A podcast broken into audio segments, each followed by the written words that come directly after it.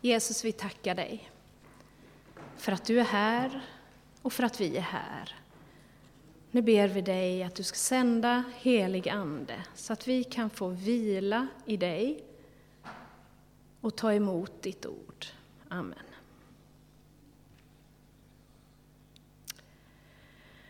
Upprepade gånger i Nya testamentet så får vi den här uppmaningen att låta vår tacksamhet överflöda.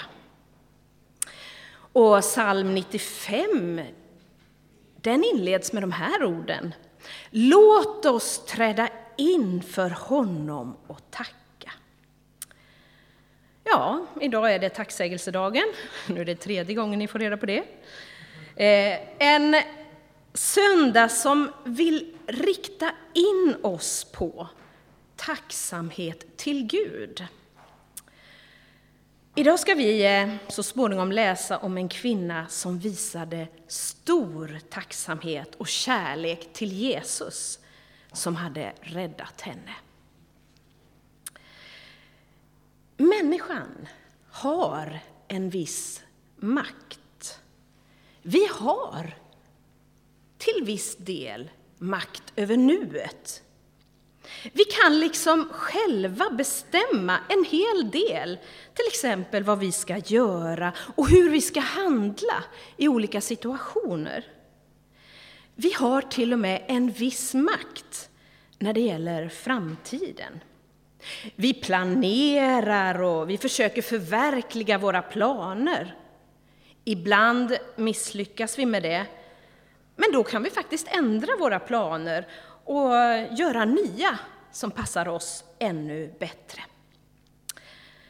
Vi kan inom vissa gränser faktiskt gestalta vår egen framtid. Vi bär faktiskt på ett ansvar eftersom vi kan fatta beslut. Vi kan välja, vi kan planera och vi föredrar vissa saker framför andra. Vi har ett inflytande över vår framtid. Men när det gäller gårdagen, det som har varit, så har vi ingen som helst makt, tänker vi ofta. Och vi kanske tycker att det är tragiskt. Det som är gjort är gjort och kan inte göras ogjort. Ibland gör det här oss mycket förtvivlade. För alla har vi gjort olika slags misstag.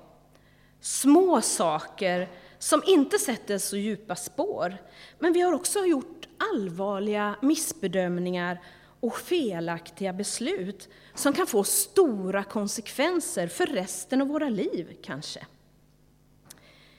Ibland kan en liten, liten oförsiktighet ge stor verkan som man inte alls hade räknat med. Ett ord, ett obevakat ögonblick kan föra till en långdragen konflikt. Men när ordet är sagt så kan vi inte ta tillbaka det. Vi står maktlösa inför det faktum att det förgångna inte går att ändra på. Nu är det för sent, tänker vi. Men Jesus visar oss att det aldrig är för sent. Tragiken ligger inte i att du och jag har gjort ett misstag eller känner att vi kanske till och med har förspilt hela vårt liv. Utan tragiken ligger i att vi tror att det är för sent medan Jesus säger att det inte är det. Jesus är på en finare fest. En kvinna kommer dit objuden. Hon kallas synderska. Hon väter Jesu fötter med sina tårar. Ingen frågar varför hon gråter. Jesus vet. Han talar inte mycket med kvinnan, men det betyder inte att han nonchalerar henne Jesus är tacksam för det hon gör och han talar gott om henne inför de andra gästerna. Vi ska läsa ifrån Lukas 7, vers 45 till 47. Vi kommer in i handlingen när Jesus talar med Simon, han som har bjudit in till festen. Lukas kapitel 7, vers 45 till 47. Där står det så här. Jesus säger alltså detta till Simon. Du gav mig ingen hälsningskyss sedan jag kom. Sedan jag kom in har hon inte slutat att kyssa mina fötter. Du smorde inte mitt huvud med olja, men hon har smort mina fötter med balsam. Därför säger jag dig, hon har fått förlåtelse för sina många synder. Det är därför hon visar stor kärlek. Men den som fått lite förlåtet älskar lite. Om du läste i din bibel så ska jag berätta att jag läste ifrån folkbibeln om det inte stämde riktigt med din bibel.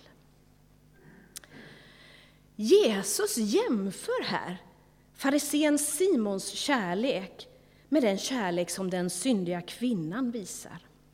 Simon har inte tvättat några fötter, han har inte kysst honom, han har inte smort honom med olja. Den syndiga kvinnan däremot har gjort allt detta. Tvättat fötterna med sina tårar, torkat dem med sitt långa hår, kysst hans fötter om och om igen och smort in dem med välluktande olja. Se vilken kärlek hon har visat mig, säger Jesus. Varifrån kommer denna kärlek? Det märkliga är att svaret på den frågan är att kärleken kommer från hennes synder. Hmm, märkligt. Därför att hon har fått så mycket förlåtet. Utifrån det börjar den här tacksamheten och kärleken att växa. Den som har fått lite förlåtet älskar lite. Simon tycker inte att det finns så där värst mycket att förlåta eftersom han tror sig kunna hålla lagen på egen hand. Han rör sig inte till tårar över sitt eget liv. Han tror att han har lyckats göra allting rätt. När man har det så här och tror att man inte har så mycket som behöver förlåtas, då överrumplas man inte heller över den barmhärtighet och den kärlek som strömmar emot oss alla i förlåtelsen. Och den där tacksamma kärleken uteblir. Mitt i den här händelsen så berättar Jesus en liten liknelse för Simon. Och vi ska läsa den också. Det är fortfarande Lukas 7, men vi läser vers 41 och 40, till 43. Där står det så här. Två personer stod i skuld till en penningutlånare. Den ena var skyldig 500 denarer och den andra 50. När de inte kunde betala efterskänkte han skulden för de båda. Vem av dem kom nu att älska honom mest? Simon svarade, den som fick mest efterskänkt, antar jag. Jesus sa, du har rätt. Jesus försöker få Simon att förstå att en stor synd kan leda till större kärlek. Och Simon förstår liknelsen. Den som har fått mest efterskänkt kommer att älska mest.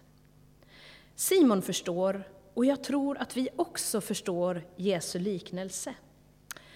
Men i det verkliga livet så kan det vara annorlunda. Vi faller liksom in i ett vardagligt tankesätt och glömmer vilken möjlighet som faktiskt ligger i våra egna misslyckanden. Tänk att dina och mina synder kan få växa till en kärlek till Gud.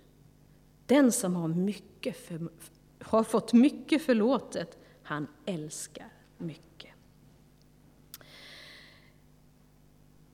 Ehm, det är, inte, det är inte ovanligt att människor gör det de gör för att andra människor ska se dem och berömma dem. Den här kvinnan hon hade inga sådana tankar när hon ramlar in där på festen, utan hon handlar i ren kärlek till Jesus. Kärleken och tacksamheten till Jesus formade hennes handlingar. Det negativa i hennes liv hade förvandlats till sann kärlek till Jesus. Alltså är det inte helt sant att vi inte har makt över det förflutna.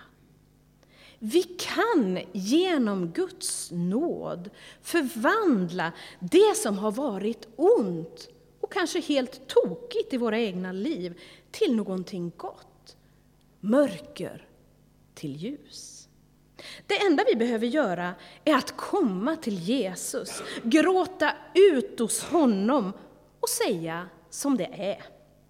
Erkänna alla våra synder och inte tro om oss själva att vi gör allting rätt. Och det är Guds och Jesus stora glädje att älska bort varenda synd och varenda liten brist i våra liv. Men inte bara det. Han visar nåd och kärlek till oss och vi förstår hur lite som egentligen beror på oss. Eller snarare inget. När vi fattar det, då växer vår tacksamhet och kärlek ännu mer. Så här står det i psalm 30. Du vände min dödsklagan i dans, du drog av mig sorgens dräkt och klädde mig i glädje. Motiven eller motivet till alla våra handlingar kan alltså fyllas av Guds kärlek. Kärleksinnehållet i det vi gör kan liksom bli tydligare och tydligare för varje dag som går. Ska vi då synda mer så att vi får mycket förlåtet och kan älska mer? Sannerligen inte. Det är inte synderna i sig som framkallar glädjen, utan det är ju liksom att bli av med dem som gör att vi blir glada och eh, kärleksfulla och tacksamma gentemot Gud. För det är ju endast när vi ångrar vår synd som den ger upphov till större kärlek. Man kan liksom inte samtidigt på samma gång ångra synden och målmedvetet begå en ny synd av liknande karaktär. Ju mer vi upptäcker Gud, desto mer ser vi också våra egna brister. Den finns med i nästan, alltså synden finns med i nästan allting som vi gör. Kanske eh, inte så mycket i onda gärningar eller liksom ren ondska, utan kanske mycket mer i allt det där som vi missar. Allt som vi faktiskt kanske borde göra. Och de flesta av våra synder, tänker jag, är sådana. Vi borde älska Gud av alla våra krafter, som det första budet lär oss. Men våra krafter läggs väldigt ofta på så mycket annat, eller hur? Det finns synd i våra liv, trots att vi har bett Jesus om förlåtelse och vi har renats genom det som han har gjort för oss på korset. Men när vi en gång har bett Gud om förlåtelse och blivit hans barn, då lever vi i nådens tillstånd. Vi liksom badar i nåden, men vi blir inte perfekta för det. Misstagen tar inte slut, och då kan det vara bra att eh, då och då se till att vi lämnar allt det där till Jesus.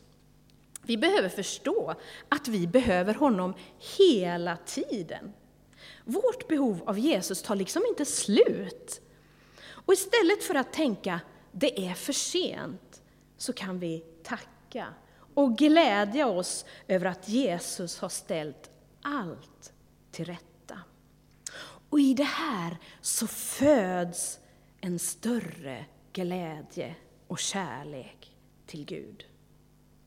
Den som får mycket förlåtet älskar mycket. I Romarbrevet står det, där synden blev större, där överflödade nåden än mer. I Romarbrevet står det också så här, och det kan du ta med dig hem och fundera på. Gud har gjort alla till olydnadens fångar för att kunna förbarma sig över alla. Jag tar det en gång till. Gud har gjort alla till olydnadens fångar för att kunna förbarma sig över alla.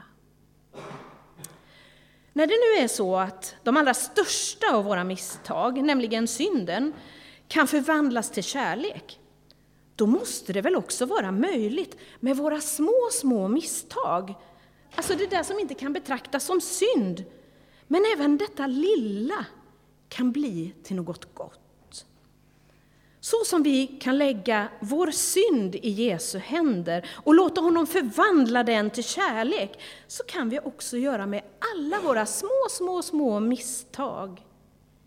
Ingenting i våra liv behöver vara oåterkalleligt eller fel eller negativt. Det som vi tolkar som förfärligt kan till sist bli någonting gott. Det finns en kinesisk berättelse om en bonde som ägde en gammal häst.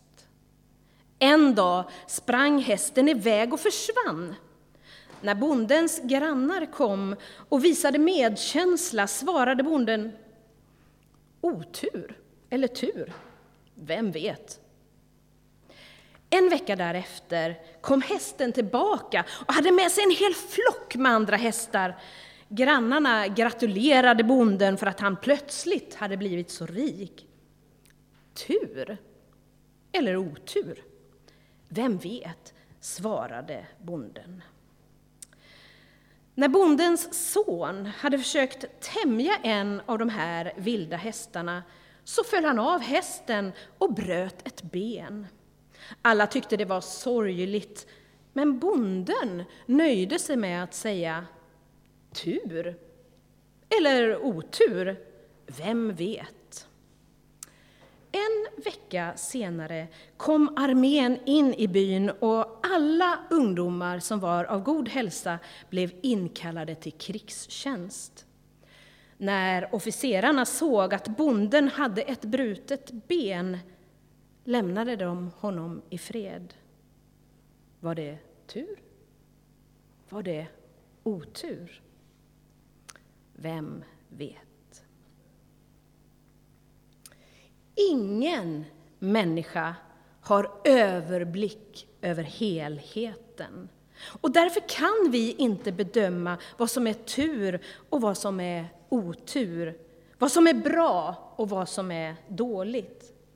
Men vi vet att för dem som älskar Gud samverkar allt till det bästa. Därför är det passande och lämpligt, rätt och riktigt att alltid och överallt tacka Gud. Vi ber. Tack Gud för den nåd du ständigt visar oss. Tack för att vi får komma till dig. Vi får gråta ut hos dig. Låt vår tacksamhet växa allt mer. Låt oss aldrig tro att vi kan klara oss utan dig. Vi behöver dig, Jesus. Kom oss nära och fyll oss med tacksamhetens kärlek. Amen.